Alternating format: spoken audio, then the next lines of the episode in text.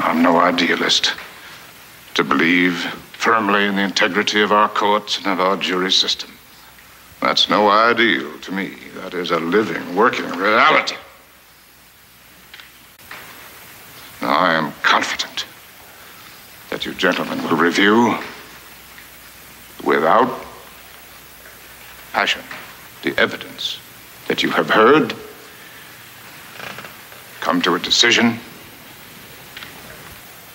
and restore this man to his family.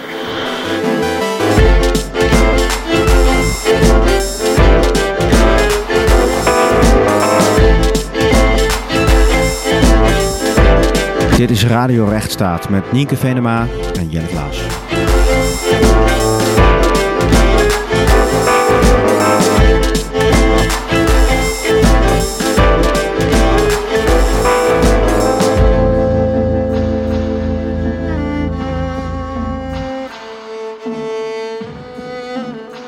Welkom bij een nieuwe aflevering van Radio Rechtsstaat, de podcast over waarom de rechtsstaat ook jou aangaat. In deze aflevering gaan we het hebben over de rol van de advocaat in de rechtsstaat. En met niemand minder dan advocaat meester Sidney Smeets. Strafpleiter bij Spong Advocaten, maar ook bekend van Twitter en van de podcast Geeky Dingen. Sidney is naast advocaat ook historicus en auteur. Welkom Sidney, wat tof dat je er bent. Ja, dank je dat ik er mag zijn. We hebben een aantal van onze trouwe luisteraars, die geen jurist zijn, van tevoren om input gevraagd voor dit onderwerp. Hè, zodat we deze aflevering voor onze luisteraars zo relevant en boeiend mogelijk kunnen maken. Nou, aan de hand van hun en van onze vragen hopen we onder andere beter te weten te komen hoe de advocaat zich tot de rechtsstaat en tot zijn of haar cliënten verhoudt. Hoe de advocaat keuzes maakt rond mediaoptredens bijvoorbeeld. En we kaarten ook wat vooroordelen over deze beroepsgroep aan. Nou, dan ben ik zelf mensenrechtenadvocaat en zit ik ook al bijna 15 jaar in het vak. Maar als men het op de media of op een verjaardagsfeestje of in de kroeg over advocaten heeft, en vaak ook wel een beetje klaagt, dan gaat het toch voornamelijk over strafrechtadvocaten. Ja, en dat is ook waarom we Sydney hebben uitgenodigd. Ja, inderdaad. Want strafrechtadvocaten doen de spannende dingen, zoals criminelen en slachtoffers verdedigen. En die zie je ook het vaakst terugkomen uh, in de media.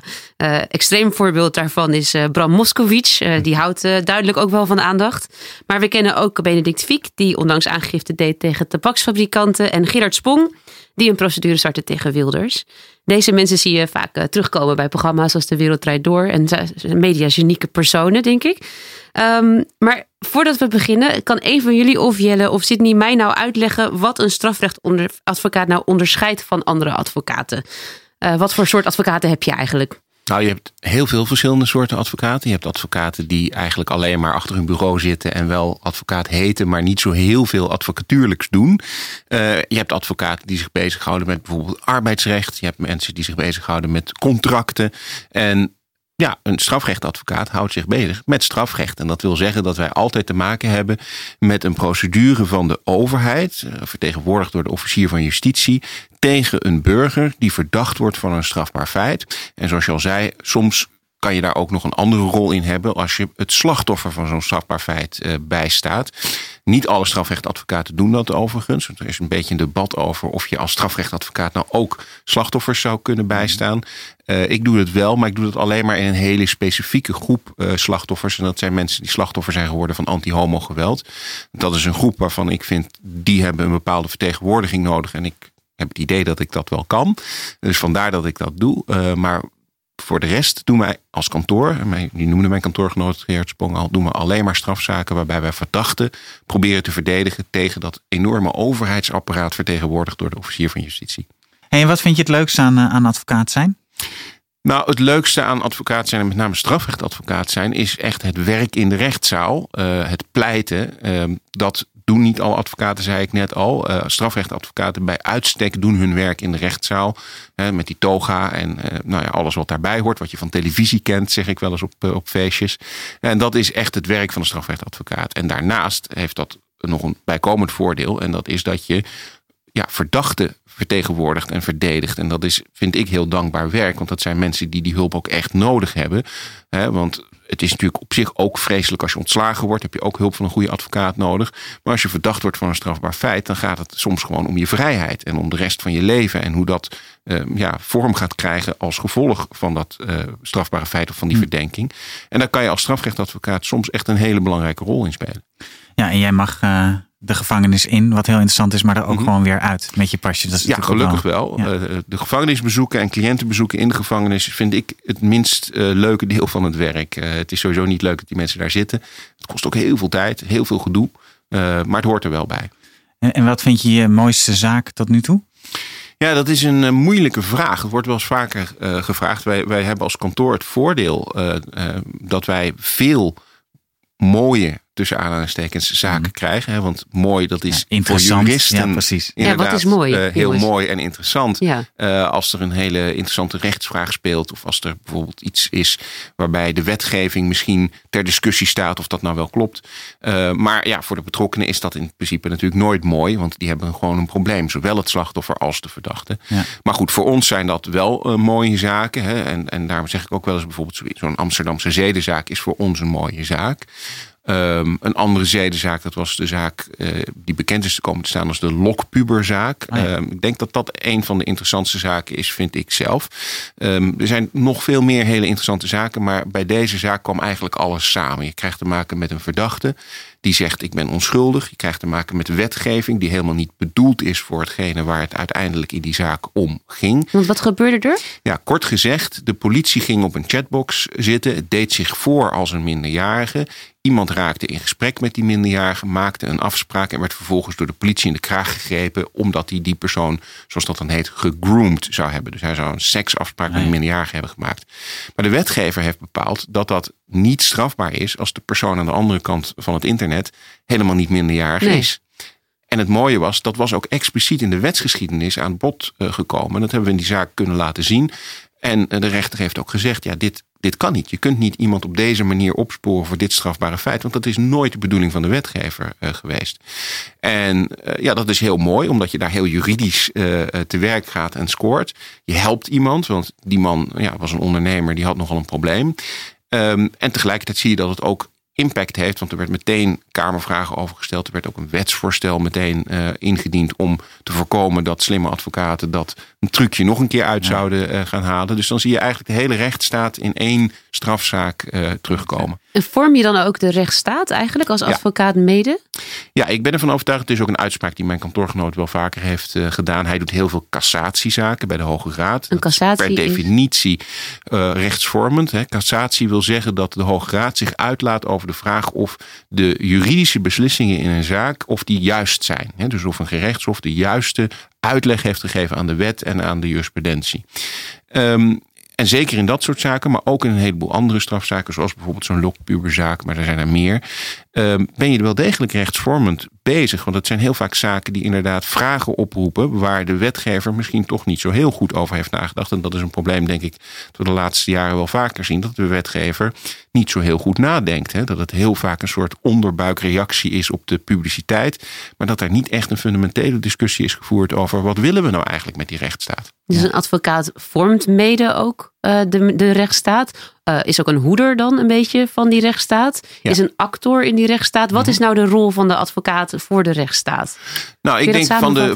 Dan heb ik het over de strafrechtadvocaat. Hè. De- Voor de strafrechtadvocaat is denk ik de rol dat je eh, de rechtsstaat mede mogelijk maakt. Hè. Als iemand geen eerlijk proces kan krijgen, hè, dus niet optimaal eh, gebruik kan maken van de rechten die een rechtsstaat hem biedt, dan heb je eigenlijk geen rechtsstaat. Want dan heb je eh, alleen maar een systeem waarin mensen ja, eh, zonder een eerlijk proces veroordeeld eh, worden. En je zag bijvoorbeeld na de Tweede Wereldoorlog gingen er heel veel stemmen op om mensen die onderdeel waren geweest van het nationaal-socialistische regime gewoon maar af te straffen. Want iedereen wist toch wel dat ze schuldig waren. Dus waarom zou je daar nou nog een heel duur en lang proces voor organiseren? Ja, en tijdens de oorlog gold natuurlijk ook snelrecht. Precies, Dat, dat, was ook een soort wraakgedachte. Ja, Toch is er besloten, onder andere in Nuremberg, maar ook in de processen die daarna zijn gevolgd, om dat niet te doen. Om toch te zeggen, ook deze mensen die zo vreselijk tegen onze idee van wat een rechtsstaat is in zijn gegaan, verdienen een eerlijk proces. En alleen als ze dat eerlijke proces hebben gekregen, dan is hun bestraffing ook te verantwoorden en te rechtvaardigen. Je gaat niet afzakken tot dat niveau. Je gaat zorgen dat we het naar ons acceptabele niveau eh, eh, toebrengen. En eh, ja, dat is wat een strafrechtadvocaat denk ik ook doet. Er zijn wel eens mensen die boos worden als wij mensen verdedigen die in de publieke opinie hele vreselijke dingen hebben gedaan. Maar En ik zeg al, eigenlijk al veroordeeld zijn in de publiek. en eigenlijk Ja. zeker heel vaak al veroordeeld eh, zijn. Hè. En Dat geldt zeker bij zedenmisdrijven, eh, is dat heel vaak het geval. En dan zeg ik altijd van ja, maar als zo'n persoon geen eerlijk proces zou krijgen, dan stort het hele systeem in elkaar. Ik zeg ook wel eens een beetje provocerend van eh, het, feit dat in onze rechtsstaat iemand die schuldig is met een goede verdediging vrijgesproken kan worden, is het ultieme bewijs dat onze rechtsstaat functioneert. Dus dat de regels die er zijn nageleefd worden met als ultieme consequentie dat als je je niet aan die regels houdt, iemand die schuldig is ook vrij zou kunnen komen als die maar op een eerlijke manier verdedigd wordt en een eerlijk eh, proces van een rechter krijgt. Een soort collateral damage van een goed functionerende rechtsstaat. Ja, het, het wordt, is eh, learned hand. Dat is een bekende eh, rechtsgeleerde die wel eens gezegd heeft dat het rechtssysteem eigenlijk ehm, eh, ja, belast wordt met de geest van een onschuldige die onterecht veroordeeld wordt. En dat is een beetje die gedachte. Hè? Liever tien schuldige mensen die worden vrijgesproken dan één onschuldige die onterecht wordt veroordeeld. En als je dat accepteert, en ik hoop dat mensen die eh, eh, vinden dat de rechtsstaat belangrijk is, dat accepteren. Dan accepteer je ook de rol die de strafrechtadvocaat heeft. En dat hij daar ook tot het uiterste moet gaan. Want er wordt soms wel eens gezegd van ja, waarom ga je nou zo ver voor deze cliënt? Waarom doe je dat nou allemaal? Ja, als we dat niet zouden doen, dan zouden we geen rechtsstaat hebben. Zo echt supersterk eh, verhaal wat je hier houdt. Ik bedoel, eloquent, goed beargumenteerd. Ehm, duidelijk dat er, dat er een hele ideologie hierachter zit. Maar terugbrengen naar wat misschien ook luisteraars thuis ervaren. Ik zag laatst een film, was de openingsfilm van Movies That Matter. Aus dem Nichts. Heb je hem Ja, gezien? ja. Oké, spoiler alert. Ik ga het, het einde spoilen een beetje. Maar het gaat over eh, twee extreemrechtse figuren die eh, overduidelijk een racistische moord hebben gepleegd. En die uiteindelijk, sorry mensen die luisteren, toch vrijgesproken worden. Omdat een advocaat een soort maas eh, vindt. In de, of niet een maas in de wet, maar een soort loophole vindt. En die advocaat wordt ook in beeld gebracht als een ontzettend extreemrechtsfiguur met vieze tanden. En eh, nou, het hele stereotype van een eh, walgelijke advocaat. En ik zat die hele film die man toch te haten. Echt verschrikkelijk. Uh, dus ik, ik, kan me indenken dat ondanks wat jij nu zegt, het ook heel moeilijk kan zijn uh, voor mensen die niet zo betrokken zijn bij die rechtsstaat, om dat zo te voelen, zoals Zeker. jij dat voelt. Ja. Uh, ik, ik, ben benieuwd naar jouw reactie juist op die kant. Hm. En ook lig je wel eens wakker uh, van dit soort dingen? Ja. Nou, het is zeker zo dat er heel veel mensen zijn die dat niet uh, begrijpen en niet kunnen begrijpen. En dat is uh, als je het bijvoorbeeld over slachtoffers hebt of over nabestaanden hebt, mag je dat ook helemaal niet verwachten dat ze dat kunnen begrijpen. Want dan zit je in een hele andere situatie, hè, waarbij het heel logisch is dat je dat begrip voor die rechtsstaat even wat minder hebt. Maar uiteindelijk, als iemand wordt vrijgesproken, dan is dat niet de schuld van de advocaat. Het kan misschien zo zijn dat die advocaat daar een bijdrage aan heeft geleverd door de rechter hè, op de juiste argumenten te wijzen, of door de rechter te wijzen op wat er binnen die rechtsstaat dan aan rechten voor die verdachte bestaat. Maar het is natuurlijk uiteindelijk een rechter die die beslissing neemt. Hè. Dus in die zin kan ik heel makkelijk mijn verantwoordelijkheid afschuiven door te zeggen, ja, de rechter beslist dat. En als die rechter dat beslist omdat er mazen in de wet zitten, dan is de verantwoordelijke daarvoor de wetgever. Of als het onderzoek niet voldoende bewijs heeft opgeleverd, dan moet je te raden gaan bij de politie. Het is heel frustrerend soms voor ons dat het inderdaad heel makkelijk is om die advocaat de schuld te geven. Je ziet soms ook wel eens dat de politie, die komt dan meteen roepen als er weer een vrijspraak is gevolgd in een zaak. Ja, maar dan moeten we meer bevoegdheden krijgen, want dan kunnen we dat wel uh, oplossen. Nou ja, zou eerst maar eens gewoon je werk goed gaan doen. En dan gaan we daarna wel zien of het nodig is of er meer bevoegdheden uh, komen. Dus ja, ik snap dat er mensen zijn die dat niet altijd zo zien. En daar heb ik ook begrip voor. Maar ik blijf erbij dat het wel een hele belangrijke rol is. Ja, je breekt ook Noord-Korea hier. Ik, ik ben het natuurlijk totaal met je eens. Maar met, met name door die film ook merkte ik dat ik in een soort dilemma terecht kwam. Ja. Waar ik enerzijds die rechtsstaat zo hoog heb. En anderzijds dacht, dit mag niet. Dit kan, kan niet. niet gebeuren. Ja, ja het gaf ook een, een rotbeeld van de advocaat. Mm -hmm. dus, maar je verwijt eigenlijk de advocaat dat, dat hij of zij de werk heel goed doet. Ja. En, dat is, en dat vind ik interessant. Ik heb ook een hele mm -hmm. tijd strafrecht gedaan. En dan, kom je allemaal mensen tegen die inderdaad misschien in de kroeg of op een verjaardagsfeestje daar heel boos over zijn. Maar op het moment dat ze dan zelf vastzitten, dan willen ze natuurlijk wel allemaal dat, dat de advocaat, ja. een goede advocaat, die helemaal tot het uiterste gaat. Dat ja, dat, dat, dat zie je ook op social media. Dat is door de opkomst van social media natuurlijk veel zichtbaarder geworden. En mensen gaan heel rechtstreeks je ook benaderen over wat ze van je werk vinden. En wat daar inderdaad in opvalt, is dat ze allerlei meningen hebben over de verdediging, eh, nogmaals vaak van zedenzaken, uh, maar ook van andere strafzaken. En dat het eerste wat ik dan altijd vraag is van ja, oké, dus als jij nou van zoiets verdacht wordt, dan, dan wil je dus geen advocaat en dan wil je geen verdediging. Nou, er is natuurlijk niemand die dan zou zeggen van nou nee, ik hoef inderdaad geen verdediging. ik ben toch schuldig, dus veroordeel mij maar. Nee. Dus Nee. Ja, goed punt. Ja, heel goed punt, zeker. Hey, in de laatste tijd zijn de rechten van slachtoffers en nabestaanden flink verruimd.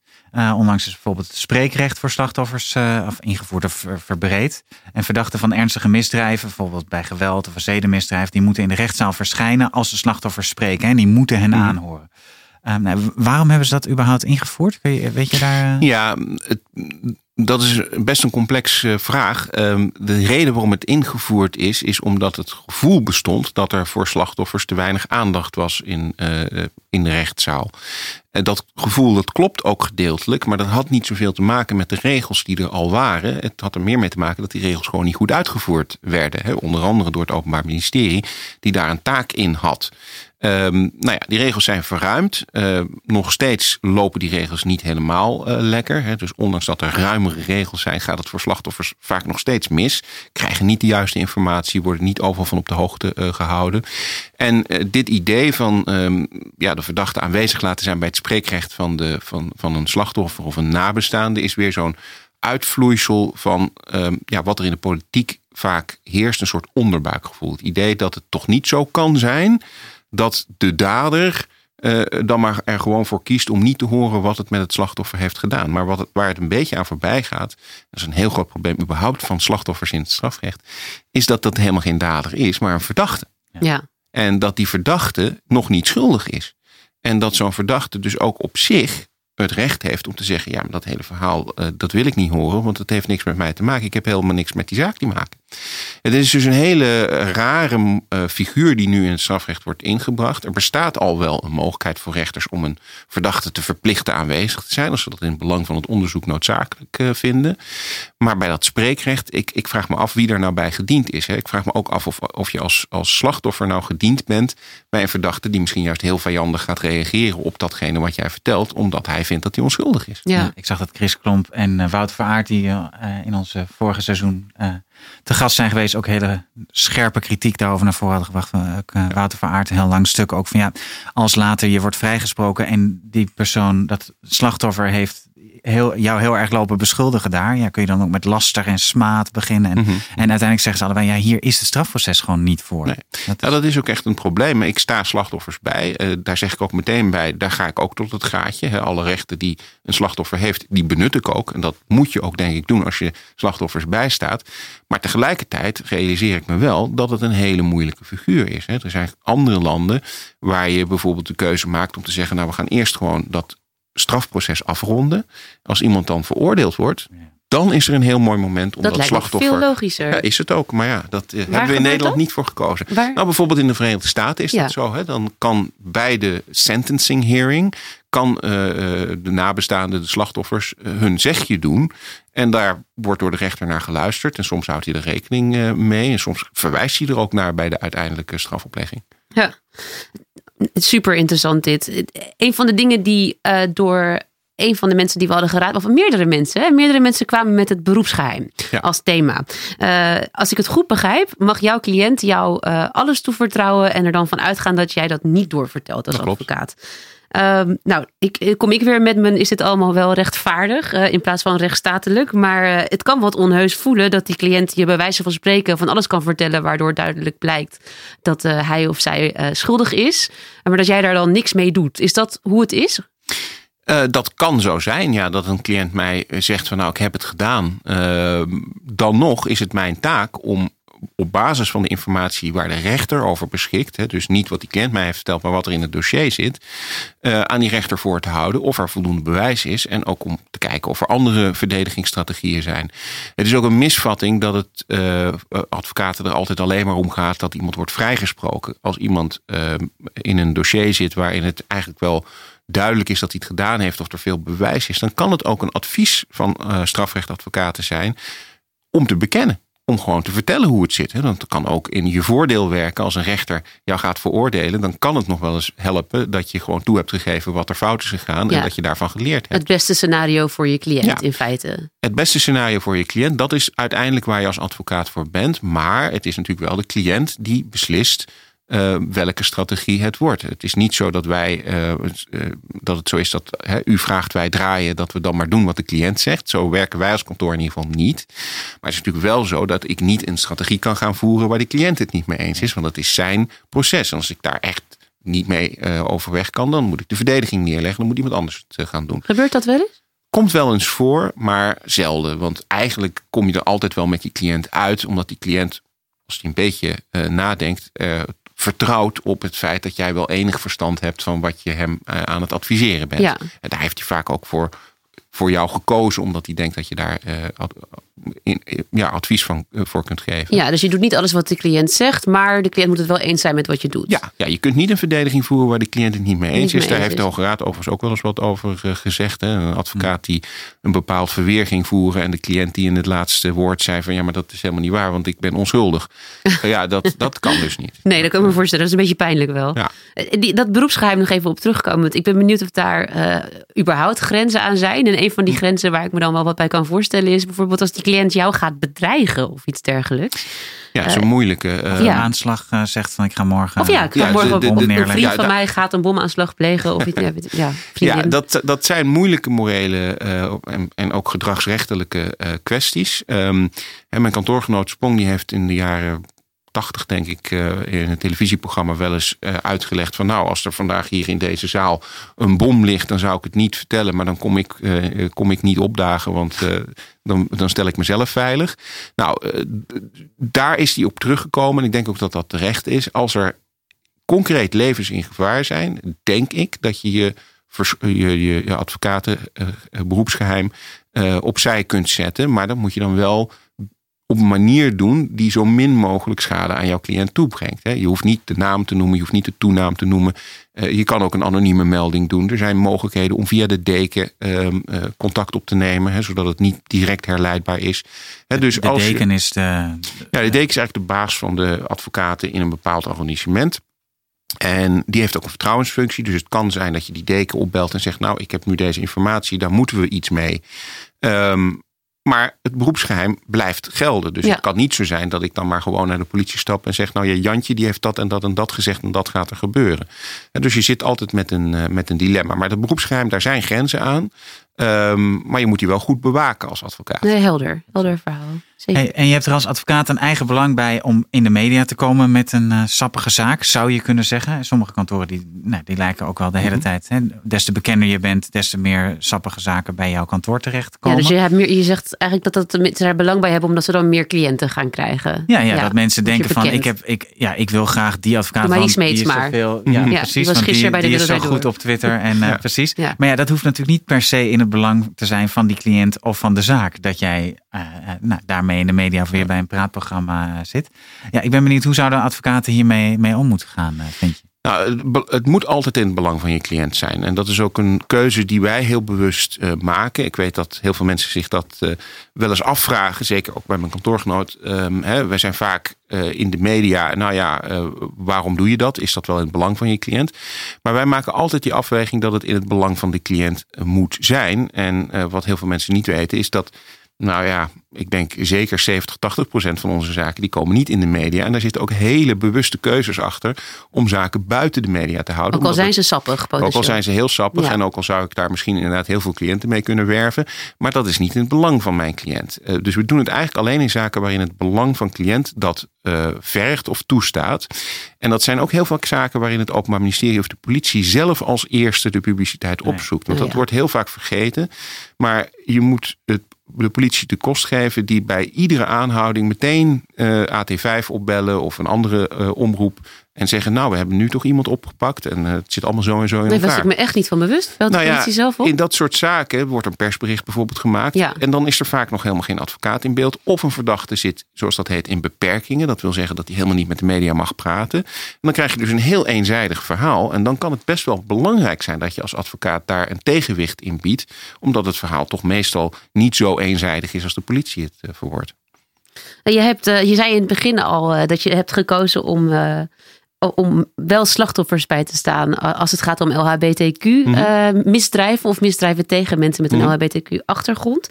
En uh, je bent ook duidelijk bevlogen over dit onderwerp. Je bent ook uitgesproken uh, daarover op Twitter. Zeker. Daarom vind ik het ook extra leuk om nu hier met jou in deze kamer te zitten, want ik ken je vooral van je Twitterfoto mm en van je tweets. Dus tof. maar ik, ik ben wel benieuwd ehm, waarom je ervoor kiest om je in het publiek debat te mengen. Uh, persoonlijke drive uh, hoorde ik al in het begin. Maar is het ook goed om een signatuur te hebben voor jou? Um, ja, uh, hoewel die signatuur ook in je nadeel kan werken. Want er zijn ook bijvoorbeeld cliënten die dat helemaal niet zien zitten. Of die denken van nou bij die advocaat wil ik niet zijn. Of dat, dat kan ook. Um, dus het is niet een afweging om te zeggen, nou ik ga nu deze signatuur in de uh, wereld brengen, want daarmee krijg ik dan een bepaald profiel en dus ook bepaalde cliënten. Zo is het niet. Het is meer zo dat wij als kantoor, uh, denk ik, wel bekend staan als een kantoor dat zich ook wel met maatschappelijke issues uh, bezighoudt en daar ook meningen over, over heeft. En, en, dit is een onderwerp wat mij persoonlijk aangaat en waar ik ook een mening over heb. En vandaar dat ik me daar ook op, op profileer. maar zoals ik zeg, het, het, het, wordt niet altijd door iedereen gewaardeerd. Hè? Nee. Dus het is niet zo dat iedereen maar zegt van nou fantastisch dat uh, Smeets dat op Twitter heeft gezegd. Nee, precies. Het is geen puur opportunisme. En eh, zo komt het ook uh, helemaal niet op me over. Want je, je bent er mhm. duidelijk ontzettend bevlogen over ook. ook over de politiek rondom dit thema. Niet alleen maar de advocatuur. Ja, ja, maar goed, er zijn, dat is ook weer zoiets. Hè. De, de, ik heb een bepaalde politieke signatuur. vroeger voor de VVD gewerkt. Dat is niet helemaal mijn partij meer. Maar... Um, ja, er zijn ook heel veel mensen die dat helemaal uh, niks vinden. En ook cliënten die daar echt wel een mening over hebben. Ja, want dat is inderdaad vinden we ook interessant. Hè? Welke invloed dan jouw signatuur, maar ook je, je, ja, je persoonlijke wereldbeeld wat je hebt en je maatschappelijke bevlogenheid. Wat dat voor invloed heeft op je beroep. Um, hè, want ja, je, je staat natuurlijk uh, achter de rechtsstaat en je vertelde al hele mooie dingen over. Maar je hebt natuurlijk ook cliënten die misschien uh, ja, heel duidelijk homo-hater zijn. Of mensen in elkaar hebben geslagen omdat ze in ieder geval dachten dat ze homo zijn. Of eh, een racist die hakenkruis op een moskee heeft mm geklad. Mhm. Als je dan tegenover zo iemand zit vanuit Piket, hè, je hebt die op de lijst gekregen. Wat doe je daarmee? Hoe ga je daarmee om? Nou, in principe is dat een, een vraag die wel eens voorkomt. Want wij staan alle cliënten bij. Dus het is niet zo dat we op voorhand zeggen, en ik ook persoonlijk niet op voorhand zeg van nou dat soort zaken, dat doe ik niet. Dus ook iemand die een mishandeling gepleegd heeft ten opzichte van iemand die uh, eh, LHBTQ is, die zou ik op zich kunnen bijstaan. Uh, maar dat doe ik dan vanuit de gedachte dat het binnen die rechten die hij heeft in de rechtsstaat een eerlijk proces moet zijn. Ja. Ik zal altijd wel duidelijk maken, ook in de gesprekken die ik met. Uh, kijk, als ik iemand bijsta die een moord heeft gepleegd, ik, ik ben geen voorstander van moord. Dus het is niet zo dat ik er mee eens ben dat hij een moord heeft gepleegd. Uh, maar dat wil niet zeggen dat ik hem niet kan verdedigen. En dat... Als die cliënt dan zegt, hè, en die heeft jouw mhm. Twitter ook gezien, en zegt: Ja, maar jij gaat je niet volledig van mij inzetten. Nee, maar want... dat, dat is een heel terecht punt. En dat zal ik ook altijd met zo'n cliënt bespreken. Dat het natuurlijk wel zo moet zijn dat hij het vertrouwen heeft. Mhm. Dat ik de volledige aandacht voor die zaak kan, kan hebben. En dat ik daar ook helemaal vol voor ga. Als dat niet zo is, dat, dat komt wel eens voor hoor. Dat je met een cliënt inderdaad een gesprek hebt. En dat je, dat je er samen tot de conclusie komt van nou wij, wij zijn gewoon geen match dit gaat gewoon niet werken. Ja, dan moet je het niet doen. En dan moet je ook als advocaat eerlijk in zijn. Ja, ik, ik, toen ik piket draaide, dus heb piket, dan, mhm. dan sta je op de lijst. Dan moet je mensen die opgepakt zijn, die moet je dan bij zijn. En je weet nog niet helemaal wat voor dingen ze hebben gedaan. Maar toen heb ik ook wel eens met iemand die zijn vrouw helemaal in elkaar had geslagen. En mhm. het vrouwbeeld dat deze meneer tentoonspreidde, kwam niet overeen met mijn uh, vrouwbeeld. Laat ik het zo zeggen. was gewoon een, totale vrouwenhater. En vreselijk. En vond dat het verdiend had. Ja, toen heb ik even geprobeerd er met hem over te discussiëren. Maar het was zo duidelijk dat, dat wij ja, daar zo anders in staan. En ik ook niet bereid was om met, met, nee, met die insteek die verdediging te gaan voeren. Dat ik heb ja, gezegd: ja. ja. ik ben niet de beste advocaat voor jou. Nou, dat kan een afweging eh, zijn. Het is wel zo, denk ik, dat je als strafrechtadvocaat dat soort opvattingen uh, heel vaak. Uh, ja, op een heel laag pitje zult moeten zetten. Want nogmaals, de meeste strafbare feiten, daar zul je uh, als persoonlijk. Niet achter staan. Nee, daar zul je persoonlijk niet achter staan. Nee. Uh, maar ja, als er echt natuurlijk een persoonlijk conflict is, ja, dan moet je het niet doen. Nee, nou, het is wel, het is, het is sowieso, hier zouden we ook een hele aflevering over kunnen maken. Moeten we ook zeker doen over het begrip neutraliteit. Mm -hmm. En wanneer ben je neutraal? Je persoonlijke opvattingen hoef je, maak je natuurlijk niet neutraal of niet neutraal. Dat, zijn, dat is je professionele houding. Tenminste, mm -hmm. dat is. Ben jij het daarmee eens trouwens? Is dat, ja, uh, hoewel het wel zo is dat je als uh, advocaat, strafrechtadvocaat, uh, niet neutraal hoeft te zijn als het gaat om je beroepsuitoefening. Omdat je een eenzijdige belangenbehartiger bent. Dus je bent in die zin altijd voor de verdachte, ja. bij wijze van spreken. Hè? Maar dus daarin ben je dan een neutraal figuur ja. binnen de rechtsstaat. Ja. Zeg, en nou, het laatste punt dat we nog even willen bespreken is over de stand van de advocatuur in, in Nederland. He, de, toch even, ja, kunnen we ons vak nog vrij uitoefenen hier? Je zit in landen als Polen, Hongarije en natuurlijk ook Turkije, dat de rechtsstaat überhaupt behoorlijk onder druk staat. En ook veel van onze vakgenoten in de gevangenis uh, worden gegooid. Um, en ja, hoe gaat het in Nederland? Kun je daar kort nog wat. Uh, nou ja, er is een beeld natuurlijk bij veel mensen, denk ik, dat het in Nederland eigenlijk wel goed gaat. Ja, dat heb het ik ook. lijkt, uh, als je zo in de krant leest en, en op de televisie kijkt, uh, dat uh, ja, die advocaten toch best vaak bij de wereldrijd doorzitten en dat het allemaal wel goed gaat. Maar er zijn wel krachten in onze maatschappij die maken dat het moeilijker wordt. Ehm, ten eerste onze recente kabinetten hebben op uh, het gebied van justitie, het heet nu weer justitie, vroeger was het vooral veiligheid, uh, allerlei maatregelen genomen die het voor verdachten en ook voor advocaten best wel moeilijk maken om zich goed te kunnen verdedigen. Dat komt allemaal vanuit een soort onderbuikgevoel van uh, Henk en Ingrid die iets vinden. En de politiek die dan zegt, nou, dan moeten we daar maar wat mee, mee doen. Hè. We zien dat nu met de maatregel die meneer Dekker heeft aangekondigd... dat mensen uh, niet meer hun volledige uh, vervroegde invrijheidstelling uh, moeten krijgen. Dat is een hele domme maatregel. Dat zegt ook iedereen die enig verstand van dit onderwerp heeft. Maar het komt natuurlijk wel lekker over naar de kiezer. Hè? Want ja, die, die boeven die moet je pakken. Die moet je niet zomaar vrijlaten. Dus dat maakt het moeilijker. je ziet dat ook bij rechters. Die vinden ook soms dat die wetgeving eigenlijk toch niet helemaal goed in elkaar zit. Omdat er dus geen fundamentele gedachte over de rechtsstaat en het strafrecht aan de grondslag ligt.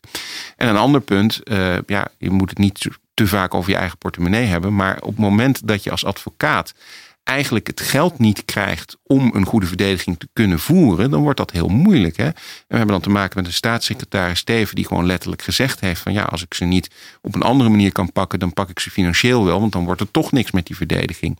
Nou, als dat zo'n zo'n cynische gedachte door iemand die de regering vertegenwoordigt, eh, kennelijk ten grondslag ligt aan ons systeem van gefinancierde rechtsbijstand, moet je je wel zorgen maken. Want, ja, want daar gaat dit om, hè? de toevoegingen. Ja, ja, ja bezuinigingen op de rechtsbijstand. Ja, als je dus als verdachte die wordt gearresteerd en dus geen inkomen meer kan uh, uh, genereren, want je zit vast en waarschijnlijk ook al niet zo'n hoog inkomen hebt als het om de meeste strafbare feiten gaat, want je gaat geen blikje bier bij de Lidl stelen omdat je nou zoveel geld op je bankrekening hebt staan.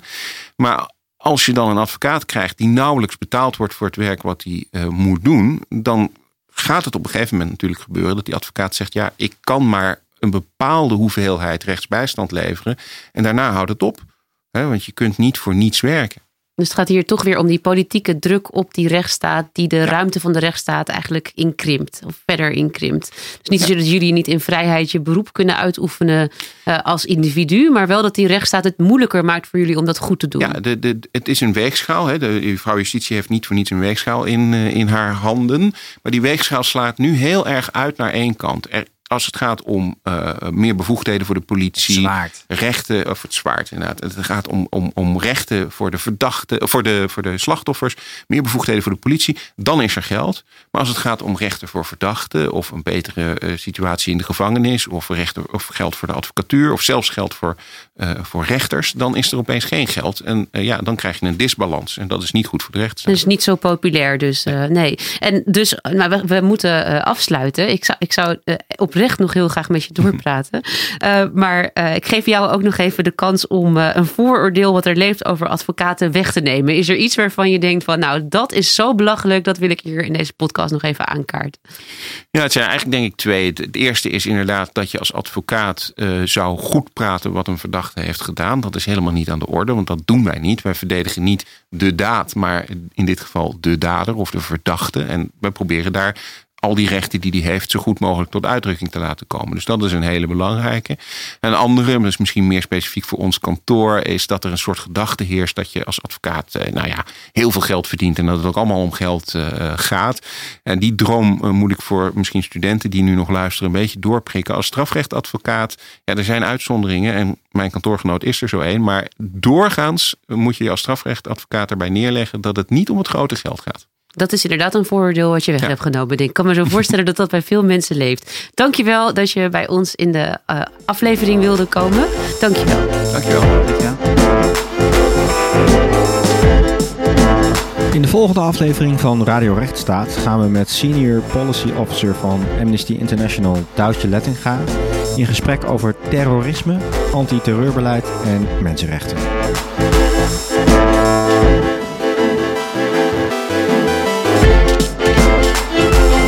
Radio Rechtsstaat is gemaakt door Nienke Venema, Jelle Klaas en Andreas Willemsen en wordt opgenomen bij Salto in Amsterdam. Kijk op www.radiorechtsstaat.nl voor alle afleveringen en meer informatie. Je vindt ons trouwens ook op Twitter en natuurlijk op Facebook. Vind je Radio Rechtsstaat interessant? Laat dan een review en een rating achter op iTunes of je andere podcast app. Dankjewel.